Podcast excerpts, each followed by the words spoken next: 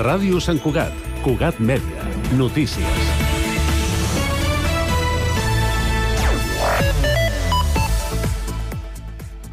La Universitat Internacional de la Pau i l'Institut Víctor Seix de Polemologia han decidit atorgar el Memorial per la Pau Joan 23 a Nadia Gulam. El comitè format per les dues entitats reconeix així el treball de Gulam en favor de la pau a l'Afganistan, independentment de qualsevol interès polític partidista o religiós. La menció Frederic Roda 2023 és per a prou complicitat amb Israel, la coalició d'entitats solidàries amb el poble palestí, per la seva denúncia de la constant vulneració de drets humans a Palestina. A més, també s'atorgarà a títol pòstum la menció a Kiko Gussí, pacifista compromès amb els valors de la pau. Els tiets faran sonar el seu coti per coti a la gala d'entrega dels Premis Capital de la Sardana que té, lloc, que té lloc aquest dissabte a les 6 al Teatre Auditori. El grup interpretarà en directe la versió completa per a cobla de Coti per Coti, amb la cobla Sant Jordi Ciutat de Barcelona. De fet, la formació ha estat guardonada amb el Premi Iniciatives Renovadores, precisament per aquest tema que té més de 17 milions de reproduccions a Spotify. La cerimònia comptarà també amb la consellera de Cultura Natàlia Garriga i l'alcalde Josep Maria Vallès. L'esperit nadalenc ha impregnat el Teatre Auditori aquest dimecres per les dues tradicionals funcions d'Escrogue Fem un musical per Nadal. L'espectacle organitzat pel cor infantil d'Aula de So, que compta amb la col·laboració de diversos centres del municipi i de ciutats veïnes, l'obra, basada en la cantata Mr. Scrooge de Steven Poxon, està dirigida per Elisenda Carrasco i Oriol Castanyer, aquest últim també al piano. El paper de Mr. Scrooge està interpretat per Carlos Vicente i la dramaturgia és de Marc Rosich.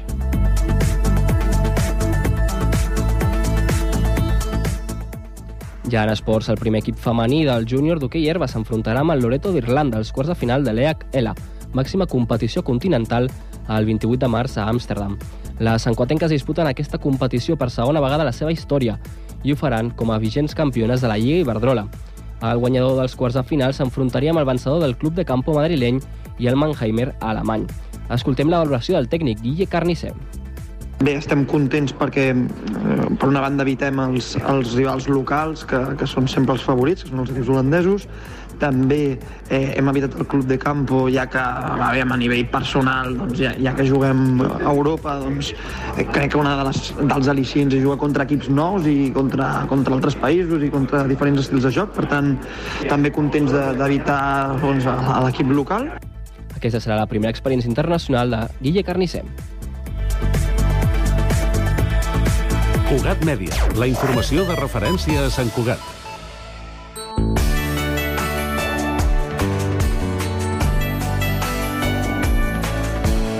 Ràdio Sant Cugat, Cugat Mèdia, 91.5 FM. Cotxe de carreres, un patinet, un metge de cadells, una pilota de bàsquet, una videoconsola. Aquestes festes ens demanem moltes coses. Les nenes i els nens de Nepal només se'n demanen una. L'atenció que necessiten. Col·labora amb la Fundació Vicente Ferrer. Truca al 900 111 300 i descobreix l'extraordinari poder de cuidar.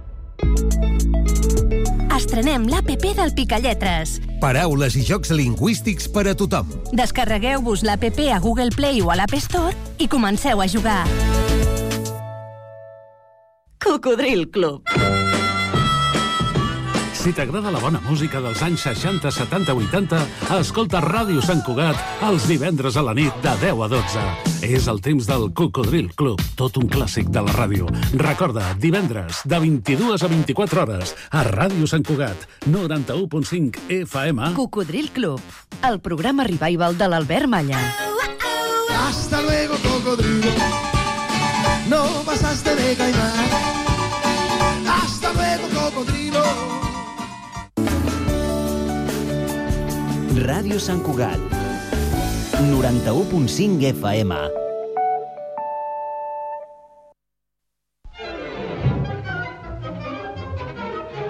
Everything that happens in life can happen in a show. You can make them laugh, you can make them cry. Anything, anything can go. The clown with his pants falling down, or the dance that's a dream of romance, or the scene where the villain is mean. That's Entertainer. Bon dia. Passen 5 minuts de les 12 i comença molta comèdia. El programa de les arts escèniques de Sant Cugat i de Sant Cugat. Avui no podíem parlar d'una cosa que no és més de Sant Cugat que pedra i sang. Però abans...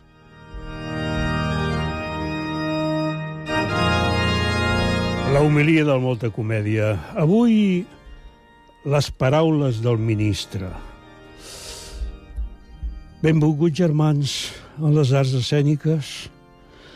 El diumenge, el diari La Vanguardia publicava una entrevista amb el nou ministre de Cultura, Ernest Hurtasso, un reconegut membre de Sumar.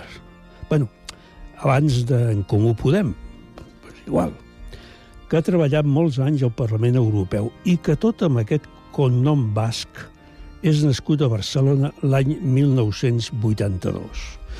Un home jove i una curiosa, potser estimulant barreja de basc i català amb activitats representant Espanya.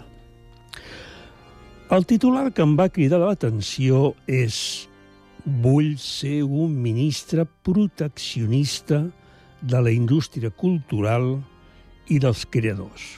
Ah, mm, molt bé. I seguint amb els titulars, al parlar de l'Estatut de l'Artista deia em faig càrrec de la precarietat en què viuen molts artistes. La combatrem. I vaig recordar quan en temps de pandèmia, a França, les persones implicades en teatre que havien cotitzat els últims cinc anys varen cobrar el sou mínim autoritzat des del primer mes de tancament. Mentre aquí les dificultats per ingressar qualsevol ajuda eren difícils, per no dir impossibles. Un altre titular, necessitem obrir més el mecenatge, però vull estudiar la llei i la tirarem endavant. Ostres, molt bé, molt bé, molt bé. I després de llegir-ho, germans, vaig sospirar llargament. La llei de mecenatge, els suports econòmics puntuals o les fundacions que molts països del món ajuden, per interès propi també, és obvi, perquè ajuden i així paguen menys impostos, però ajuden. Ajuden al món de cultura i, conseqüentment, a les arts escèniques, és ben conegut perquè suposa ampliar molt les possibilitats, entre d'altres coses, de produccions teatrals, musicals o de dansa que probablement no serien possibles si no existís el mecenatge. I finalment un altre titular. Faré costat a qualsevol artista que censuri. I un ai, ai, em va sortir de l'ànima, recordant obres teatrals de Lope de Vega anul·lades per al·lusions sexuals, rapers a la presó al marge de la qualitat de les seves obres, aquesta és una altra cosa, i cantant censurades per ensenyar massa del seu cos o per cantar en una llengua diferent a la castellana. Ministre Hurtasso, vostè tot just aterrat, aterrat al Ministeri de Cultura, que ara afortunadament no és també d'esports, i així tindrà més temps per la cultura. Li desitjo, de veritat, li desitjo tota la sort del món i, si pot ser, que li deixin a pujar el pressupost, que en aquests moments és un dels més baixos en percentatge de la Unió Europea perquè pugui fer tot això que he comentat i que, com no podria ser d'altra manera, és una part molt, molt petita de les possibilitats i necessitats a cobrir. Sempre dic, benvolguts germans, tant aquí a Sant Cugat com a Catalunya, i ara no cal dir-ho també a l'estat espanyol, que els diners destinats a cultura no són despeses, no són això que en diuen gastos, sinó inversions. Inversions per arribar a tenir una societat de persones millors en tots els sentits. I ara ha arribat aquest moment per no fer-me pesat, com cada setmana demano a Déu que faci més que nosaltres. Amén.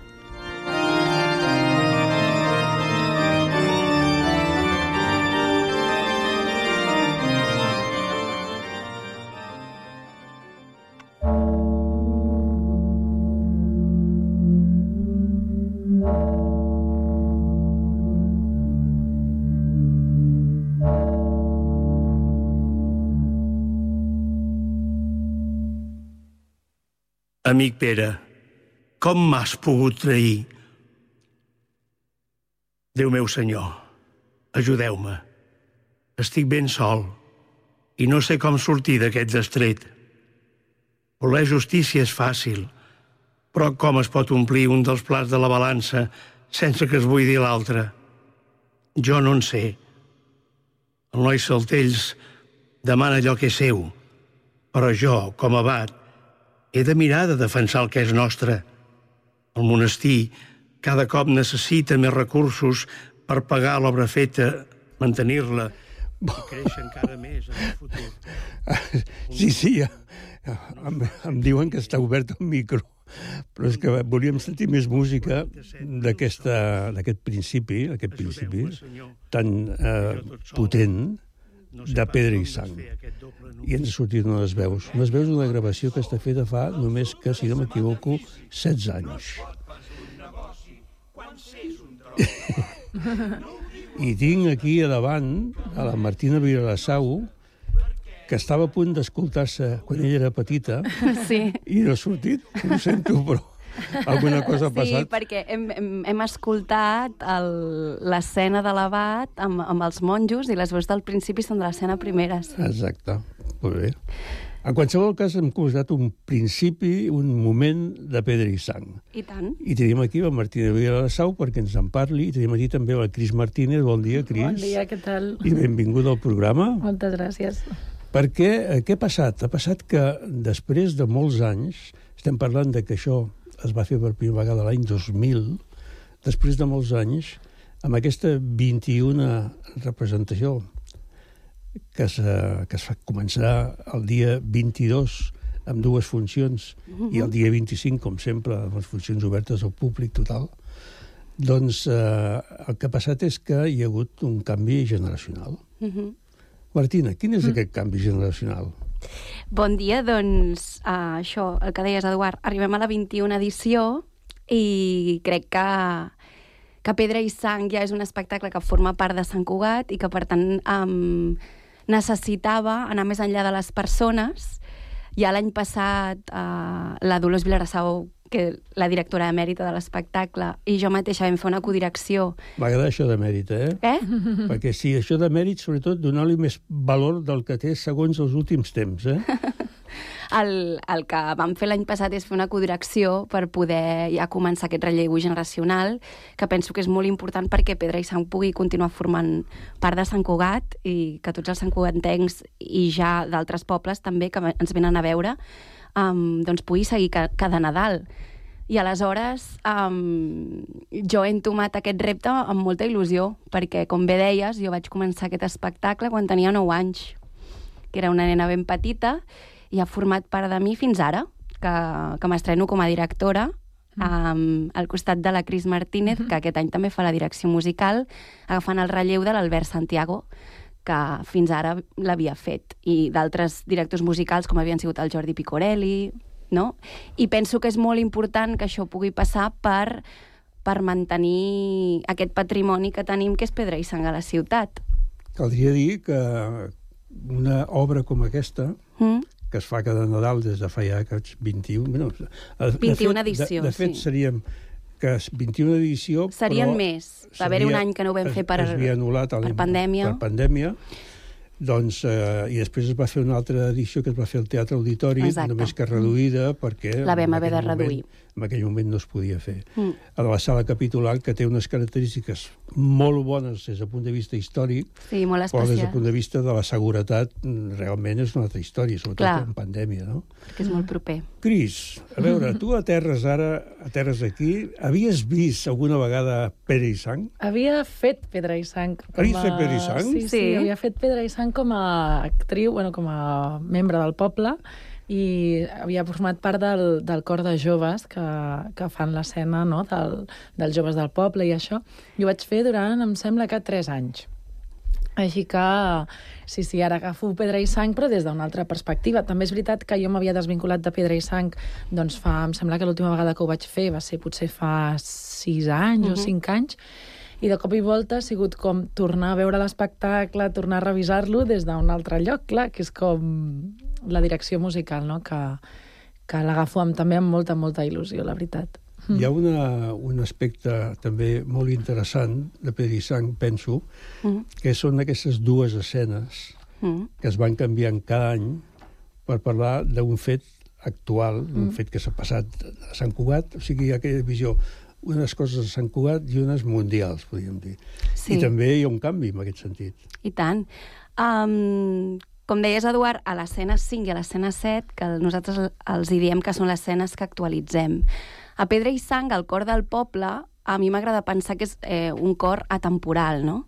Evidentment som gent del poble de 1350, que és quan passa la història, però el cor es, es mira els fets des d'un cert distanciament i en aquestes escenes ens permetem fer una crítica des d'un cor actual, com seria la gent d'avui dia, no? Aleshores, um, sempre a l'escena 5, des d'aquests personatges que representa que viuen al 1350, en, fem crítica, posem sobre la taula problemes vigents tant de Sant Cugat com a nivell mundial eh, que malauradament en tenim molts. Llavors sempre tenim actualitats per posar, així que també us animem a veure les d'aquest any, que tenim doncs, novetats santcugatenques i, i també a nivell global. I també, en el seu moment, eh, es va afegir l'escena de la guerra, que és l'escena 7, quan va haver-hi la guerra de l'Iraq, i malauradament la vam, vam decidir continuar-la mantenint perquè la veiem necessària per parlar de totes aquestes guerres que contínuament eh, som, existeixen i que no s'acaben mai i poder parlar d'aquest tema també a l'espectacle. Dèiem eh, això d'aquestes escenes cada any diferents. Hi ha un autor, Ah, Josep sí. Maria Jaumà, que evidentment la- l'obra continua sent l'obra Sí, de Josep però, però en, en aquest canvi cas, aquestes sí. escenes eh, eh, ell, ell les escrivia fins ara. Sí. Jo us recordo que jo em vaig fer un any. Sí. Vaig fer un any que, deia, que vaig fer el rap de Sant Cugat Ah, sí, és veritat. Els joves el van fer, no? Els joves. Sí. Els joves van fer el rap de Sant Cugat Town. Sí, a l'escena dels joves hi havia un moment que rapejàvem. Jo crec que era... Jo crec que era quan ella, Sí, sí. quan la? Cristina... Sí, sí, jo vaig rapejar el teu rap. Sí, Exacte. Sí. Fantàstic. Doncs aquest ha quedat, any- Ha quedat a la història, ja. el rap de Cugat Town. Doncs aquest any sí, aquest any eh, li vaig plantejar al, al Josep Maria Jaumà, a veure si li semblava bé, que jo mateixa, juntament amb en Jaume Vinyes, que és actor i dramaturg, eh, bueno, proposéssim aquesta escena amb novetats. Autor i dramaturg, evidentment, també és jove. Exacte. En Jaume Vinyes mm. eh, està format a l'Institut del Teatre, tant com la Cristina com jo, i... Som de la mateixa- Som de la mateixa generació, sí, Sí. i promoció. Sí, sí, vam estudiar juntes. Vam estudiar junts i en Jaume ara mateix um, firma la dramatúrgia d'un espectacle que està fent en Joan Pera um, a Barcelona, que crec que es diu Tot l'any pot ser Nadal, Sí. i és una persona que en aquests moments està bueno, treballant moltíssim pel que fa a dramatúrgia i direcció, i amb en Jaume ens entenem molt i vam pensar de fer-ho junts i, i aquest any ens estrenem com a, com a dra dramaturgs d'aquestes escenes. Hi ha un altre aspecte que és aquest musical, Cris, parlem-ne, Mm. eh, que jo, jo no recordava que tu havies, que havies participat ja en el cor de, és, del poble. Això és el, el tenyit, que no... No, no, no, no, no, no. No. Però mm, tu ja coneixies, evidentment, ja, coneixies la, la música, ja coneixies mm. l'obra, coneixies tot. Quan tu et poses a la direcció, Mm. quin plantejament et fas? Una continuïtat? Una continuïtat modificant alguna cosa? Mm. Uh, un respecte, però ho actualitzes? O sigui, jo quan vaig encarar la direcció va ser absolutament eh, veient què hi havia ja. Era com... No? Jo, jo sabia que entrava en un lloc que feia, fa 21 anys que es fa, i per mi el primer pas va ser parlar amb l'Albert Santiago, que era la persona que portava la direcció, i ell, superamablement, em va deixar com tot el material que ell No tenia... em sorprèn. No em sorprèn. No, no, No. és, mara, és una persona una meravella. meravellosa i, i el traspàs ha sigut super fàcil i mm, després vam quedar inclús, ell i jo, em va ajudar com a la a, no, a marcar certes coses, em va ajudar també amb la direcció musical, amb el gest i això, i o sigui que des d'aquí li agraeixo moltíssim i ha sigut a partir dels assajos jo no em vaig plantejar cap canvi ni cap canvi substancial a nivell de, de la interpretació de la música que hi havia, sinó que a partir dels assajos tal com jo sentia la música, no? bueno, és una, una mica el que havíem parlat amb la Martina, no? que més que innovar és com com passa a través de nosaltres aquest material, Exacte. no? Que és com, vale, jo no, jo no canviaré la música ni les intencions que ja estan fetes ni tal, però tal com jo vaig sentint la música, sento que en aquest moment podria ser una mica més així, per també com l'haver fet teatre, no? És com que M'agrada molt recórrer el text, que, el, que el Joan Alavedra va fer les músiques i que és això que ja vaig dir que estan molt al servei del text, uh -huh. i com interpretativament també, també pot incidir això en la música, no? O sigui, per exemple, l'altre dia treballàvem l'escena de Som els tres monjos de Sant Cugat, que sí. és una... Uh -huh. no? que és el moment com de... més d'humor dels tres monjos, i sí que m'adonava que les meves eh, indicacions, més que musicals, molts cops eren com interpretatives, però que inevitablement incideixen en com estan cantades, no? Uh -huh. Llavors jo crec que és aquest punt de vista potser el que li he pogut aportar més a les músiques, però no ha sigut des d'un plantejament inicial, sinó que va ser com, a veure què hi ha, no? I fer molt altres pas amb l'Albert Santiago i a partir d'aquí, doncs, assaig a assaig, anar veient també les necessitats del cor, perquè també és un cor que, que està format per gent nova, que, que s'ho estan treballant moltíssim, no? I que, i que agraeixo molt tota la feinada que estan fent i també tota la gent que porta anys i anys fent-ho. Vull dir que uh -huh. també era com un cor molt, molt eclèctic, no?, en aquest uh -huh. sentit. I, i això una mica com atenent a les necessitats i una mica així com, a veure, a veure, a veure, a veure, a veure sense anar molt com a imposar una idea preestablerta. Perquè hi ha una cosa que és molt important remarcar i és que està, es tracta d'una obra que hi han, si no m'equivoco, 32 persones a l'escenari. Sí, o sigui, parles ara dels que estan en escena, crec que no els he comptat jo, així com a tal, però o sigui, ja, només ja... d'acord en tenim 20, o sigui que sí, uns 32, 35. Mm. Per tant, vol dir que en un moment determinat, o sigui, aquest joc que, que ja s'havia dit, aquest, perquè en Josep Maria Jaumà, per la seva coneixement brutal de Shakespeare, que fet, va fer mm. durant molts anys classe a la, a la UAP de, sí, a la universitat.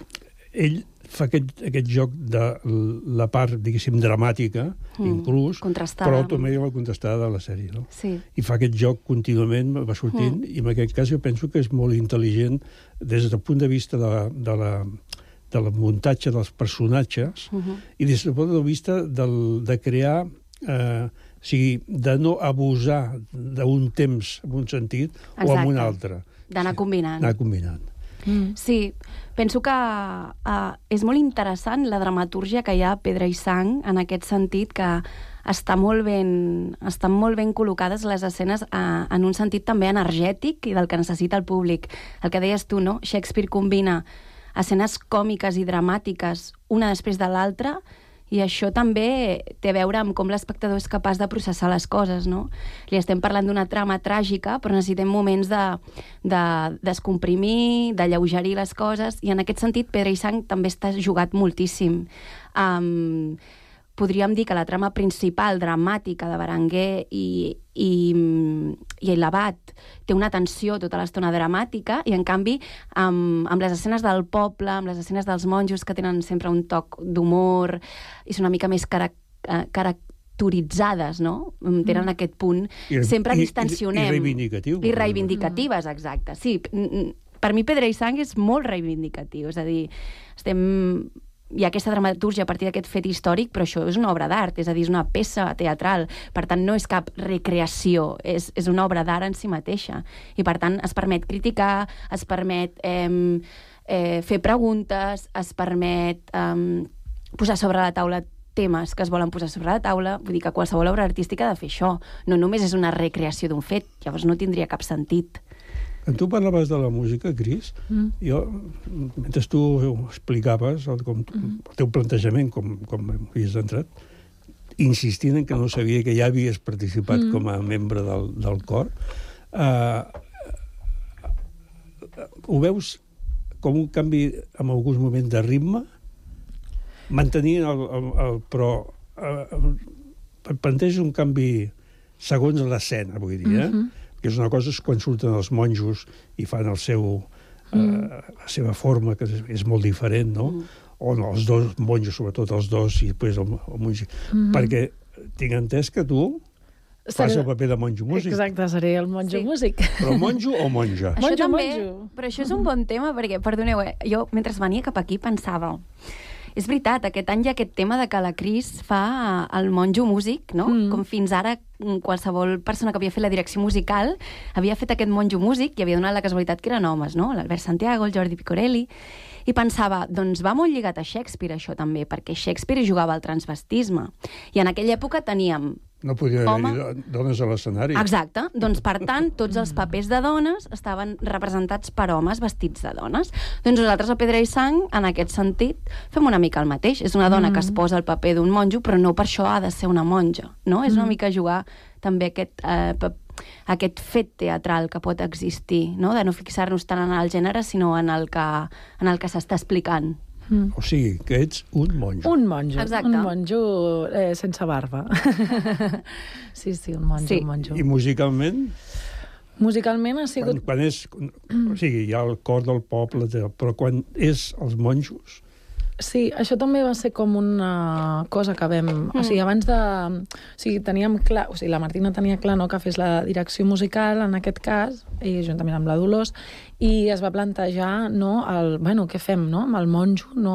Sí. I llavors, bueno, és com que musicalment també amb l'Albert Santiago ho vam mirar, perquè, clar, tots els temes dels monjos tenen un registre que per tesitura de veu masculina és, sí, és més alta. Tenor, baríton... És més aviat un registre tenor, d'un tenor. De... I llavors és mm. com un registre alt, que això és el que fa que tingui tota aquesta sonoritat eclesiàstica, molt, no?, de claustre. Què passa? Que al, al passar-ho en una veu femenina, eh, jo estic jugant amb un registre super baix. I clar, eh, és molt diferent a aquestes veus de, de dones, no de sopranos, que canten a l'església, vull dir... Perquè fas mezzo o... Faig com o sigui, una supermezzo, sí, com una Mhm. veu, sí, sí, més, més aviat greu. Llavors, bueno, però ho vam estar provant i, per sort, jo també em sento molt còmode en aquest registre i, i va, vam començar a provar i la veritat que les tres veus empasten mm. molt bé. Tot el rato hem de tenir com aquesta, no? això al cap de que no és la mateixa sonoritat que estava sonant anteriorment mm. i com ho hem de fer també escènicament per ajudar a que això també segueixi tenint com el mateix caire, no? d'eclesiàstic, com, com jugar-ho també amb, amb tot el tema del fraseig, tot això. Però bueno, jo crec que, sí. que serà una és cosa una diferent. sonoritat nova i també Mm. interessant, no? Perquè, evidentment, ens ha portat a plantejar com la fèiem de nou i també li dona una riquesa, que és Mm. cada cop no només està una tessitura, sinó que estan dues. No sé si a València us ho deixarien fer, això. bueno, que això és Sant Cugat, que és, és millor. No, no, no. Bueno, la, la Martina, que la Martina, que com, es, com ha dit, doncs va començar de molt petita, bueno, la primera, la primera representació, Sí, ja es deuen amb recordar... l'encarna. I es veuen recordar... Sí, exacte. Amb l'encarna adelantado. Amb l'encarna adelantado que continua. Sí.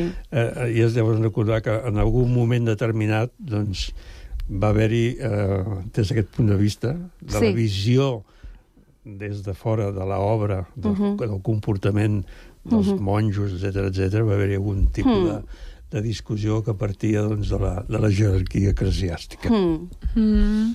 Sí, sempre, Però, bueno, bueno, això- qualsevol obra d'art està... Com dir-ho... Um, pots, pots opinar sobre ella, vull dir que sí, es poden Mm. rebre crítiques...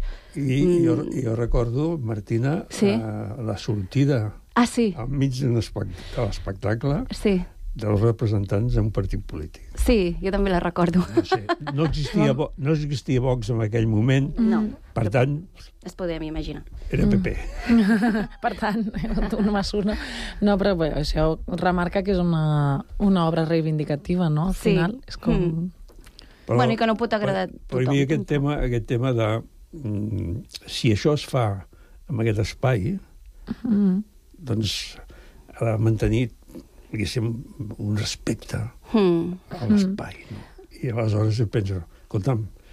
Respecte, respecte el tenim, eh? Sí, ja ho sí, sé. Respecte en tenim moltíssim. L'altre també és entendre que, que dins d'una obra d'art hi, ha un, hi ha una llibertat d'expressió del, del que es parla. Però I són com, com dues coses diferents. Mm. El respecte i la llibertat d'expressió dins d'una obra fixa't-hi, la artística. sala capitular, on, on es fa, que no Sí. va passar al fet, sinó va passar a l'església, la sala capitular és el lloc on es reunien els monjos Sí. per dir precisament alguns problemes que hi havia dintre Mm. de la comunitat. Sí. Era el lloc on es parlava sí. d'això. És que té una simbologia, el propi espai, és o molt preciós. penso que, penso mm. que té una potència, Molt. o sigui, de dir, aquí es reunien i un monjo doncs, deia els seus propis pecats, Mm. o algun monjo deia algun pecat d'algú sense dir qui era, el pecador, Un xivatasso. i llavors doncs, sortia o no Sí. sortia. Que bo. I és, és, és veritat que la sala capitular és, és, és un lloc molt especial i forma part d'aquest espectacle, també. No ens podem imaginar tampoc Pedra i Sang sense aquest espai. És difícil. Sí, i també per la proximitat amb el- amb l'espectador, que el tenim quasi tocar, que estan a dues, a dues bandes. Tots els, tota la, la parascènica està molt visible tota l'estona. Això és part de la màgia, també, de, de Pedra i Sang, penso. Des d'aquest punt de vista, tu creus que el... després d'haver-ho fet tant, tots, els, tots els anys i d'haver viscut Mm. amb una evolució, tu en el programa apuntes, a mi em va agradar molt, perquè tu poses aquí Pedra i Sang neix d'una emoció. Sí. Sí, mira, és que vaig, quan vaig començar a escriure aquest text, um, em vaig plantejar una pregunta, no? que és que, sobretot, sobre qualsevol material artístic tu necessites tenir un vincle. I, de fet, va haver-hi un dia que a la, un assaig escènic a la gent del cor també els hi vaig preguntar sobre aquest vincle, no? de què us porta a fer Pedra i Sang, què us porta a presentar-vos, per què el feu, els que repetiu. I em vaig adonar que la gent té un vincle emocional amb la, sempre amb les coses que fa i més amb els materials artístics. I, i van sortir paraules com Sant Cugat, compromís, cultura, companyerisme, família... I em vaig adonar que qualsevol, qualsevol lli- lligam amb, amb les coses, però especialment amb les obres artístiques, neix d'una emoció. Això també passa amb els nanos a l'educació, no? Tu, per, per fer entendre alguna cosa a un nen, no li pots anar des de lo intel·lectual. Segurament li has d'anar des del joc, des del risc, des de la curiositat. I quan es desperta l'emoció per descobrir coses i la curiositat, aleshores és quan aquestes coses entren. Llavors jo pensava, per què m'estimo tant Pedra i Sang?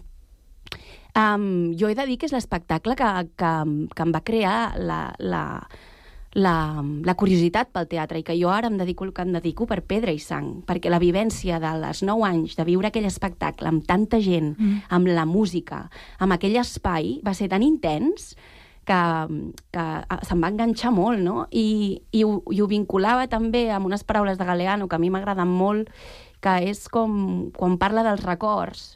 Ell diu que recordar és tornar a passar pel cor. I això és emocionar-te amb alguna cosa que ha marcat. Mm. Llavors jo vaig pensar, clar, Pedra i Sang per mi és com una olor de l'escenografia, un, la sonoritat de les cançons, recordo cantar la primera cançó al costat d'una contral i recordo la, la seva pansa, la panxa, no?, com s'inflava i es desinflava. La, la vibració. La vibració. I era una cosa molt sensorial. I de cop dic, pues, per mi el vincle amb Pedra i Sang és aquest, és la meva experiència per l'espectacle. I, i, I penso que la gent que repeteix amb Pedra i Sang el que li passa és això, que ve a recordar-lo, ve a reviure'l, no? Ja mm. sap què passarà, però vol tornar-lo a sentir. Mm. I això és bonic, perquè és una experiència sensorial, també, mm. en la, amb les coses. I, i, i el que deia, no? Per mi el teatre també té alguna i, i això en paraules de Shakespeare també m'agrada molt, perquè ara no recordo quina obra és d'ell, però ell parla que, que estem fets d'una pasta igual que els somnis, no? Que entre el somni i la realitat no hi ha una frontera clara. I per mi el teatre, el teatre és aquest moment, no? On, on l'oníric... No, no és la tempestat?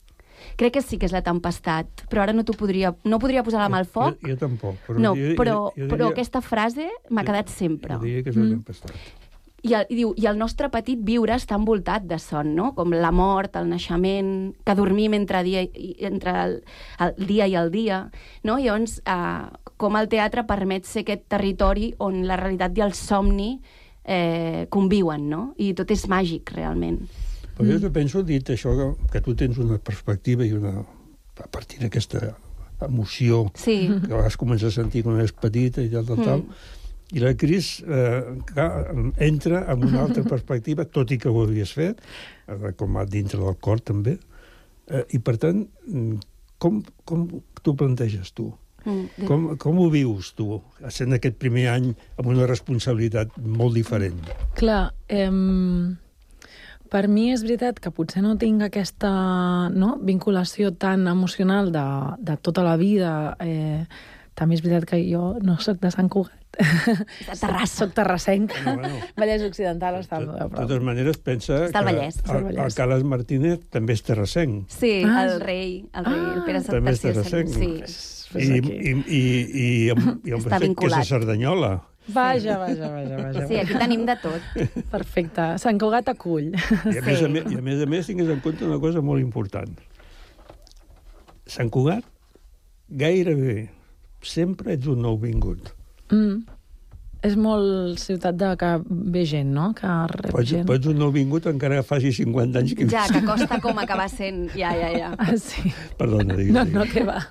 No, doncs això, una mica com... Suposo que sí, que parteixo d'un punt diferent, però tot el que comenta la Martina a mi m'ha arribat, no? O sigui, jo crec que la implicació del cor, la implicació de la Martina, de la Dolors, de l'Albert Santiago, és com que t'arriba que realment és un espectacle que va més enllà d'una obra artística que es fa tal, no? per, per les dates de Nadal, sinó que és una cosa com de tradició. Mm. Llavors, la veritat és que a mi això al principi em feia una mica de respecte, perquè clar, estàs entrant en un lloc que, que tu no has pogut uh, seguir com aquesta tradició, entres no, nova, i saps que hi ha tot de gent que ho porta moltíssims anys fent-ho, no? Doncs per mi això també era com un repte, no? I de fet ho havíem parlat també amb la Martina, mm. com en alguns moments inclús de... Sí, com d'inseguretat de dir ostres, jo això no sé, vull dir, sí que sé les peces, ho puc dirigir i tal, però clar, partim de, de... És això, no? Arribo de nou, no? De dues figures que ho havien portat fins ara, potser, no? Clar, i va ser també una mica com, bueno, doncs partim d'aquí, no? Partim de que, que, que tu no ho has dirigit mai i que, i que segurament també podràs aportar des d'un altre lloc i, i és això, i des de la visió d'un espectacle professional, no? que és amb, amb, com amb els altres espectacles que he potser fet direccions musicals, que han sigut professionals i aquest, evidentment, doncs, també ho és, tenint aquest caire tradicional, però agafant-ho des d'aquest punt de vista. Hi ha també una novetat, i és que hi ha una, una ajudantia de direcció sí. de, la, de, la, de la Marta Uixant, sí. que també va començar al principi sí. de tot fent el paper de dona, si no m'equivoco. De noia. De noia, és veritat. El sí. que jo faig ara. Sí, sí. Passa, aquest any passa una cosa bonica, no? Com que, com que els rols han canviat i la Marta, eh, quan jo tenia 9 anys, ella estava fent el paper de, de noia. I ara és molt bonic també que estigui a l'ajudantia de direcció, perquè també és una persona que es coneix moltíssim l'espectacle i que també hi té aquest, aquest vincle, i es, estic molt contenta que, que hi sigui. I diguem que això vol dir que tenim una direcció femenina.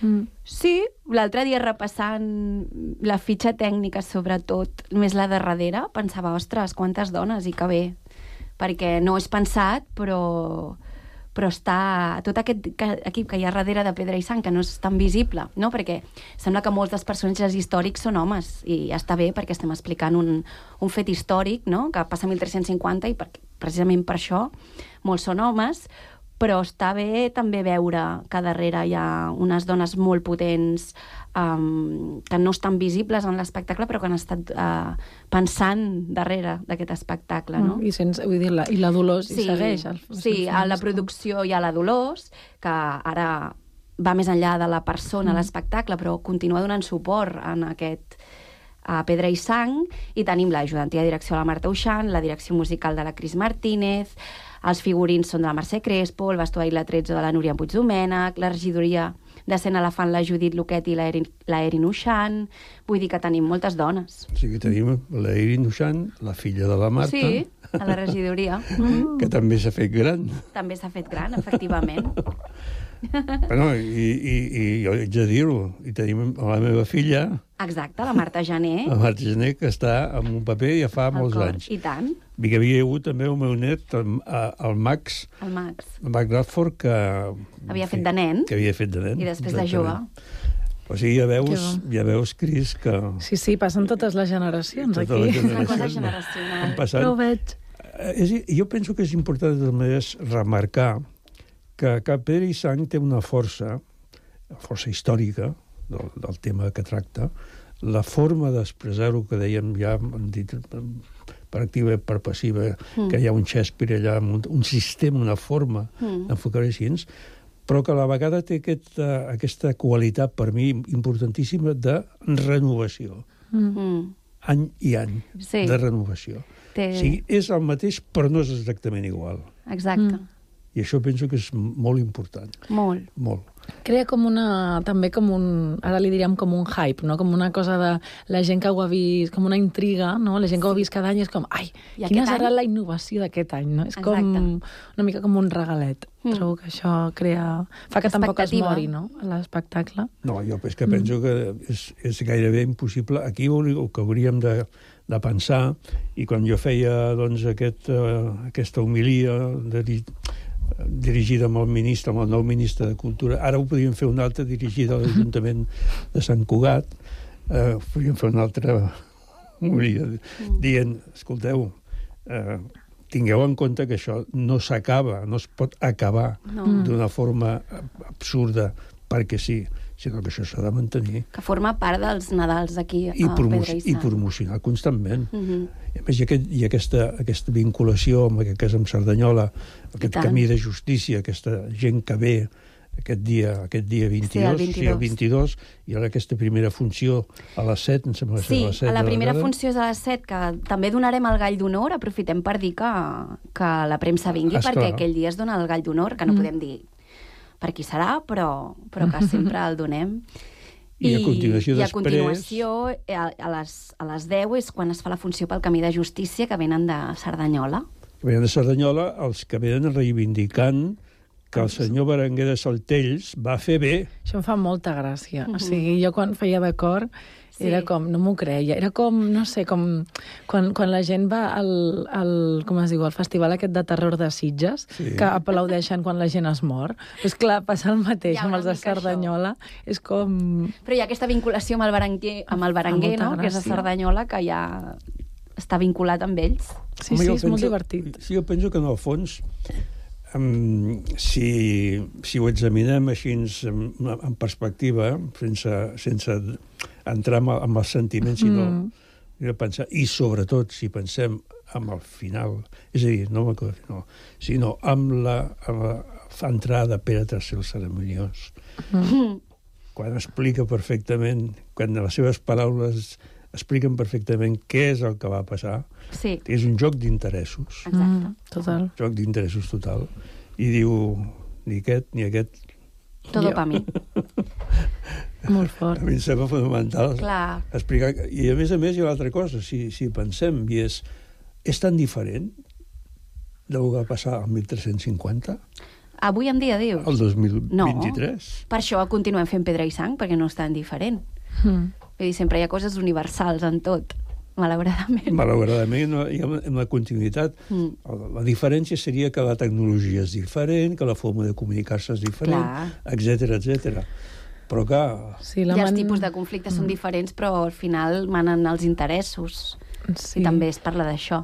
És com que la, man la manera ha canviat, però el contingut segueix sent el mateix, no? Una mica també quan parlàvem de Shakespeare, no? Temes universals, Els temes sí. universals sempre seran... I els interessos, pues, n'és un, no? I la... Sí, sí. I l'ambició. diem també que es repeteix aquest any el fet de que el personatge principal Sí, està fet per dos actors. exacte. A la- a l'Abat Arnau de Viure eh, tenim el Ricard Mariner i el Xavier Tor. El, el Ricard Mariner, aprofito per dir les funcions que fa, perquè així també doncs, des de casa ho poden saber. Fa el dia 26 i el 27 i 28 tarda, Ai, no, perdoneu, ho he dit al revés. El dia 25 i el 27 i 28 nit, i el Xavier Tor fa el dia 26 i 27 i 28 a- Perquè, tarda. repetim-ho, estem dient que les funcions obertes al públic general comencen el Mm. Sí. dia de Nadal, Comencen el dia de Nadal, dia 25, a, a les 20 hores. El dia 26, Sant Esteve, també la farem a les 20 hores. I llavors, 27 i 28 de desembre, fem doble funció. A les 7 i a dos quarts de 10. Com tenim el tema entrades? Doncs no ho sé, crec que bé. Però la veritat és que... O hem de dir, escolteu, els que ens estiguin escoltant... Bueno, els jo que, diria els que mirin el- s'aprofitin perquè hi ha sessions que els que s'exaureixen el mirin ràpid. amb el podcast que tinguin en compte que vagin... que es poden, es poden comprar al web eh, pedraisant.cat ja estan a la venda i jo aprofitaria per anar ràpid perquè és això, sempre hi ha sessions que exaurim i que no, de no esperar a última hora. Mm. La capacitat de la sala capitular és de 100... És de 100 i poc.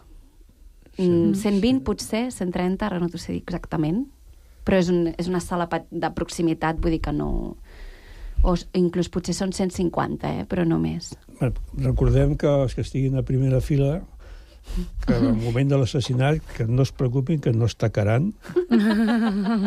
Això està molt bé. Que T'imagines? No, vull No dir que portin mocadors, encara que, els tinguin, encara que el tinguin a, a dos pams, que no, que no es preocupin, que no, Exacte, que no patiran. que no, està, no està, Exacte, no, no, no, tacaran. es tacaran. També aprofitem per, per, per dir de repartiment. Hi ha novetats. Tindrem a, el monjo Hortolà, que el fa el Pere Pastor, el monjo Sallaré el continua fent el Ramon Sauló a l'Estudios de l'Ignasi Bassó i tindrem el monjo músic de Cris Martínez.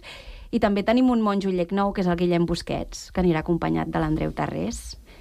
I la nena serà la Martina Ferlauto, que ja la vam tenir en una edició, i també hi ha novetats del Cor del Poble, vull dir que tenim nou, nous integrants.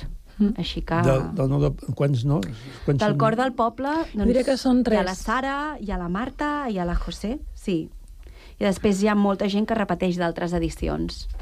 Mm. No consecutives algunes, però que ho han fet algun any i ara tornen. També hi ha gent que canvia de veu, que abans Mm. cantaven de contralt i ara canten de tenor.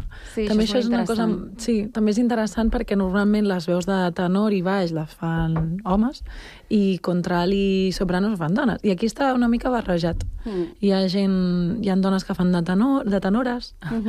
eh, no, nois que fan de contralt... O sigui... Això ho hem anat, això ho hem anat mirant. Sí, però això hi ha hagut com una mica també de gent que ho ha fet altres anys però que ha canviat de veu, que també Mm. és com també un, un, és un nou repte. repte, eh? Sí, sí. Perquè és molt difícil De- fer el que fan. De la teva experiència, eh, Cris, de la teva experiència com a, com membre del, del poble, Mhm. ara de, directora, musicalment parlant, vull dir, Mhm. has notat diferència? Clar, és que és des d'un punt de vista absolutament diferent. Clar, jo crec que quan vaig entrar, me'n recordo que quan vaig entrar vaig trobar-ho un repte, i jo ja havia estudiat música i això, però clar, me'n recordo que estava molt... Eh, no, com molt concentrada en fer la veu de contralt, jo cantava de contralt, bé, no? En plan, vinga, vinga, vinga, aquesta és la veu. I de sentir molt com la, el, el subidon, diguéssim, de cantar amb altres veus i de sentir les veus. També és una música que el Joan Alavedra va fer que és complexa, o sigui, Molt, no és, una, molt. no és una música popular o tradicional, sinó que, que també és una cosa que m'encurioseix molt, no?, de Mm. com aquesta música ha traspassat al, llar- al llarg dels anys sense ser una música fàcil, no? Com ha ha arribat la, la cultura de la música contemporània a Sant Cugat. Vull dir que em sembla molt interessant això. Molt. I això, com a experiència del cor, era com molt, no?, el sentir les veus, i ara jo crec que és des d'un punt més analític, no?, de que ho sents com una mica des de tu, des de lluny, i dius, ai, les, jo què sé, els baixos aquí han de tal, les sopranos aquí... No és una Mm. sensació tan immersiva, no? És, és, no? No és tan sensorial, és més analítica. Mm. Però també eh, crea molta emoció, eh, de cop i volta, quan sona bé o quan... És molt... Sí, és molt... Un repte molt que a mi com que m'encén una energia molt creativa, diguéssim. Sí. De fet, recordo...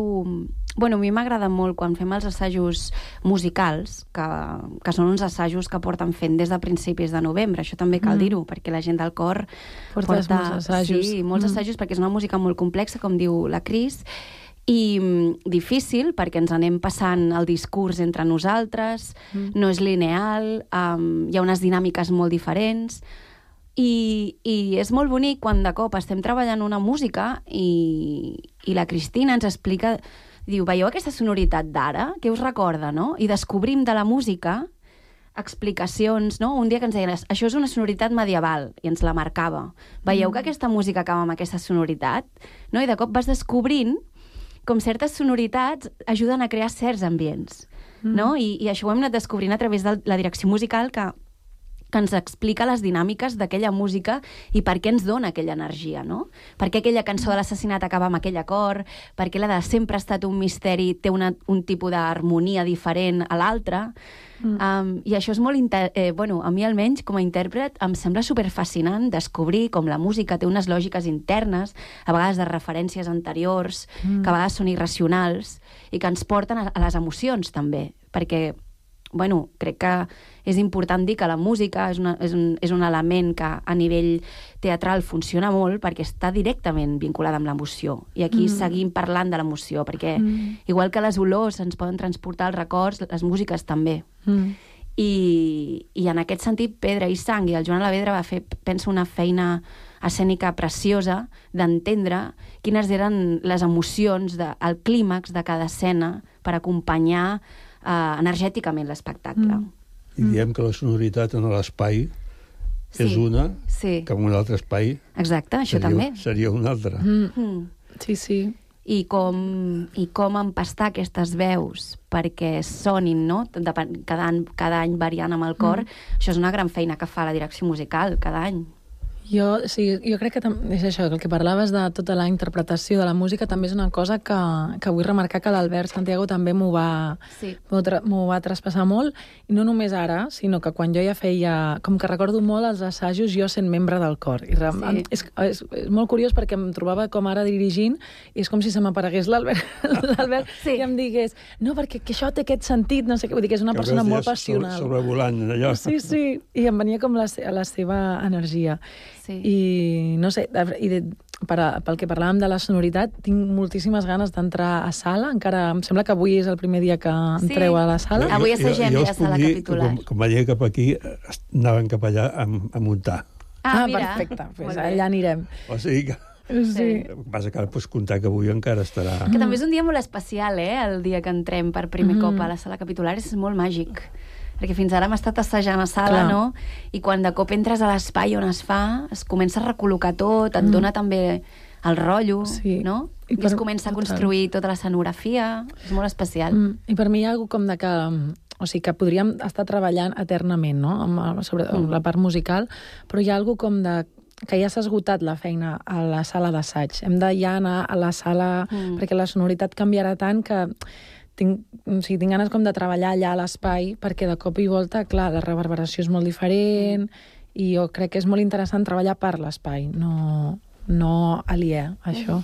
Bé, eh, ens està, se'ns està acabant el temps i m'agradaria, Martina i Cris, si voleu dir alguna cosa que no, encara no ha sortit, doncs que, que vosaltres mateixes.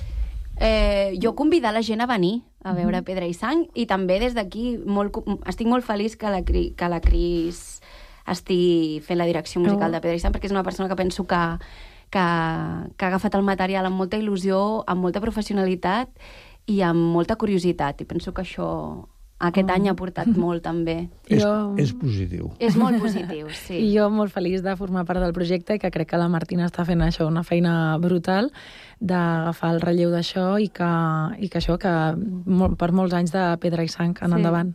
I, perdó, un incís, mm. que igual que, la, que, que has dit això de la imatge que et venia de l'Albert, no? que a mi em passa una miqueta amb la Dolors, que a vegades estic dirigint i dic, això que estic dient és perquè li he sentit dir, no? Que hi ha aquesta cosa del traspàs bonic, Mm. que igual que els teus avis t'explicaven contes i tu els Mm. expliques pues, segurament inconscientment a algú, quan has tingut una referència d'algú que ha fet molt bé la, la seva feina, hi ha coses que passen per tu que de cop dius, ah, vale, estic dient allò Mm. que aquell dia em va, em va fer veure aquella persona. I això és bonic. Però ho dius amb una altra veu. Mm. Sí, sí, sí però, però És està el- connectat. és el mateix, però sí, traspassat per tu. Mhm. Total. Molt bé, Martina, moltes gràcies per haver vingut. Cris, igualment. Moltes gràcies, a tu. I, sobretot, recordeu, no passeu els dies. Ja compreu les entrades immediatament. Vinga, Això. gràcies, Martina, gràcies, Cris. Moltes gràcies. Adéu, que vagi molt bé. Oh, happy day. Oh, Jesus walked. When Jesus walked. When Jesus walked. When my Jesus walked.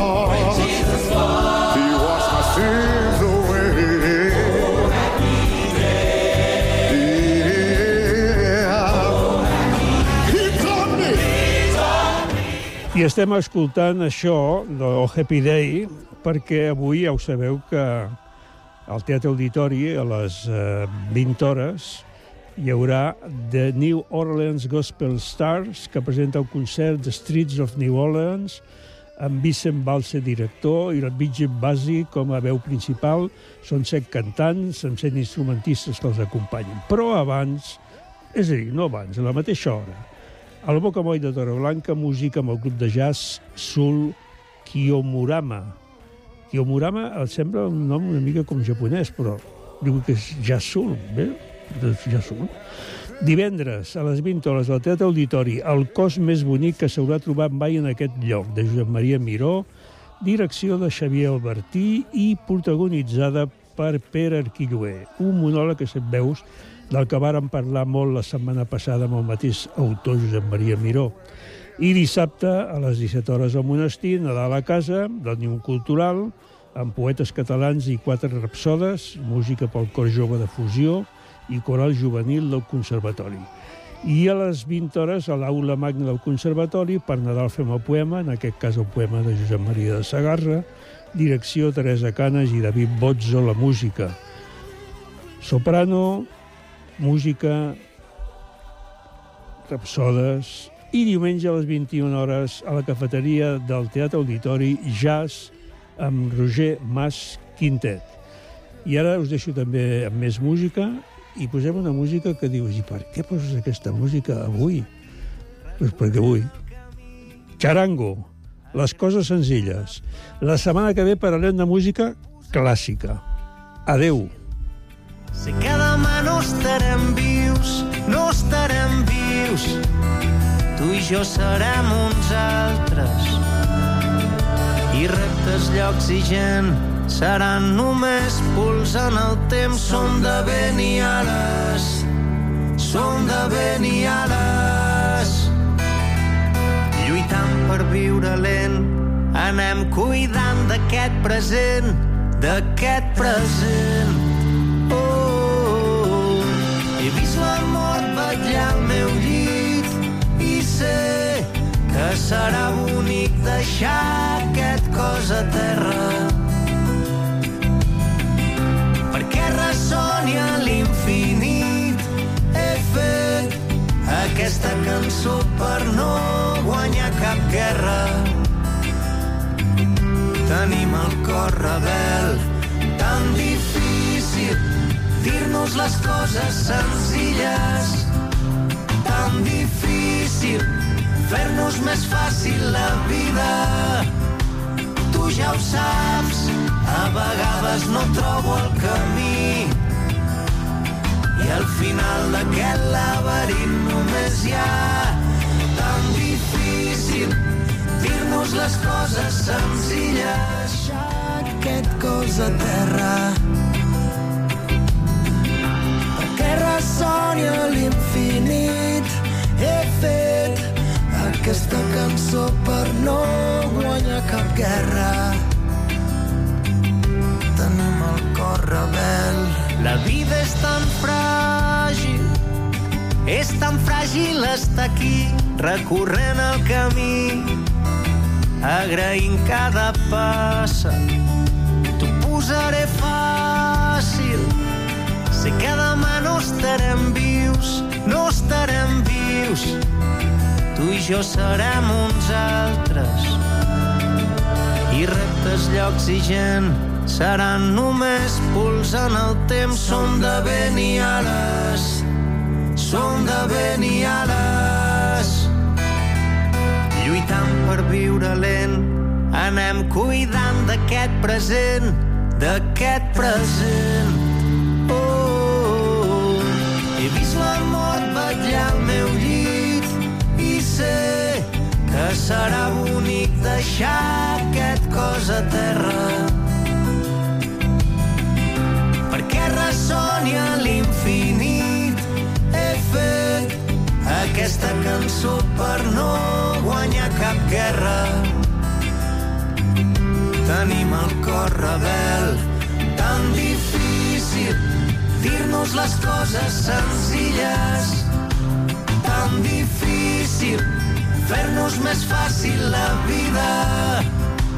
Tu ja ho saps a vegades no trobo el camí. I al final d'aquest laberint només hi ha tan difícil dir-nos les coses senzilles. Tan difícil fer-nos més fàcil la vida tu ja ho saps a vegades no trobo el camí i al final d'aquest laberint només hi ha només hi ha un t'estimo.